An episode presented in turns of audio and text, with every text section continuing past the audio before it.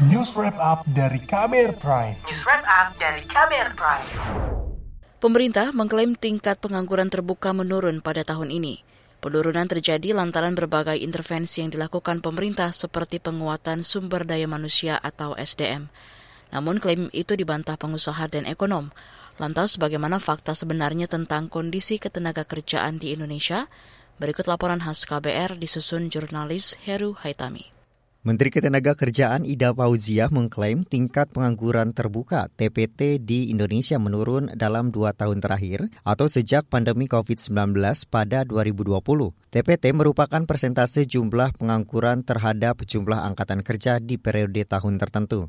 Menaker Ida Fauzia menyebut angka pengangguran menurun, salah satunya karena ada upaya peningkatan kualitas sumber daya manusia. Berdasarkan data BPS, jumlah pengangguran terbuka per Februari tahun 2022 mencapai 8,4 juta orang, tingkat tingkat pengangguran terbuka sebesar 5,83. Kita bersyukur pengangguran tahun 2020 7,07 persen, kemudian selama 2021 6,2 persen, dan alhamdulillah Alhamdulillah atas kerja keras semua stakeholder pengangguran kita bisa turunkan menjadi 5,83 persen. Meski pengangguran sedikit teratasi pada tahun ini, namun Menteri Ida memperkirakan Indonesia masih bakal menghadapi sejumlah krisis yang terjadi secara global pada tahun depan. Kondisi itu terjadi di saat Indonesia dan banyak negara di dunia tengah berupaya bangkit dari pandemi. Selain itu, jumlah angkatan kerja bertambah hingga 4,2 juta orang per tahun. Penambahan terjadi lantaran dampak dari bonus demografi yang diperkirakan mencapai puncaknya pada 2030.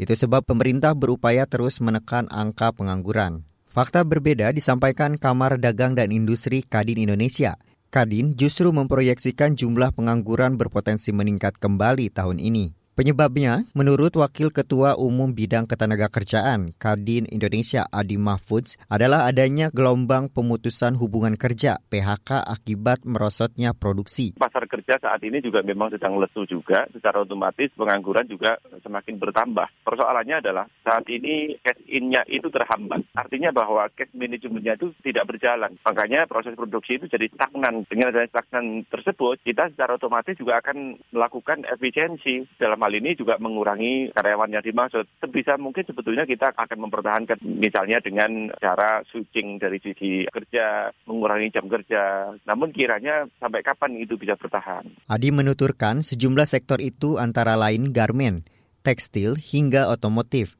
Kata dia, industri-industri itu telah terkontraksi hingga 50 persen gelombang PHK itu sudah dimulai dari perusahaan startup yang terutama yang berbasis teknologi karena memang proses saya penyerapannya juga memang tidak memungkinkan artinya tidak bergerak. Kedua, yang paling banyak gelombang PHK itu di dunia manufacturing khususnya karena juga permintaan atau ordernya menurun. Khususnya juga di sektor misalnya garment, tekstil, termasuk otomotif. Jadi hampir rata-rata antara 30 sampai 50 persen itu terkontraksi gitu ya. Karena semuanya itu karena akibat dampak dari sisi krisis ekonomi global. Berdasarkan analisis analisis Institute for the Development of Economic and Finance, INDEF, penyerapan lapangan kerja masih rendah lantaran investasi yang masuk tidak mencakup pada seluruh sektor. Direktur Eksekutif Indef Tauhid Ahmad menyebut investor pada sektor tersier saja yang ditarik masuk ke Indonesia. Selain itu, kata dia, rasio penyerapan tenaga kerja yang berasal dari penanaman modal dalam negeri selalu lebih unggul dibandingkan yang berasal dari penanaman modal asing.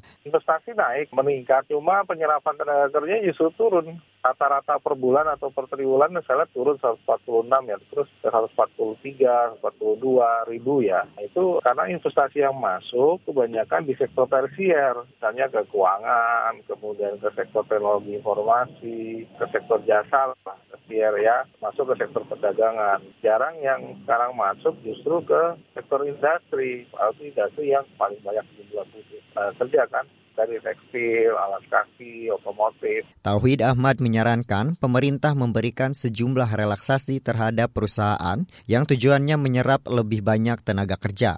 Membantu fasilitasi pelaku usaha untuk mencari pasar yang relatif stabil atau bertahan lah. Apakah merubah negara-negara lain sehingga paling tidak tujuannya atau misalnya tadi yang semula tujuannya ekspor ya merubah untuk menjadi lokal dong. Tujuannya untuk mempertahankan market. Kedua, membantu fasilitasi restrukturisasi usaha pinjaman pinjam ya mereka dibantu yang terkena ini pengurangan kewajiban pajaknya ataupun restrukturisasi usaha itu bisa dilakukan tapi dengan catatan panjang mereka tidak melakukan PHK Catatan Kementerian Investasi Badan Koordinasi Penanaman Modal BKPM pada triwulan 3 2022, realisasi investasi di Indonesia mencapai lebih 30 triliun rupiah secara tahunan atau tumbuh sekitar 42 persen. Investasi dengan nilai tersebut mampu menyerap tenaga kerja sebanyak lebih dari 325 ribu orang. Demikian laporan khas KBR, saya Heru Haitami. Kamu baru saja mendengarkan news wrap up dari KBR Prime. Dengarkan terus kbrprime.id, podcast for curious minds.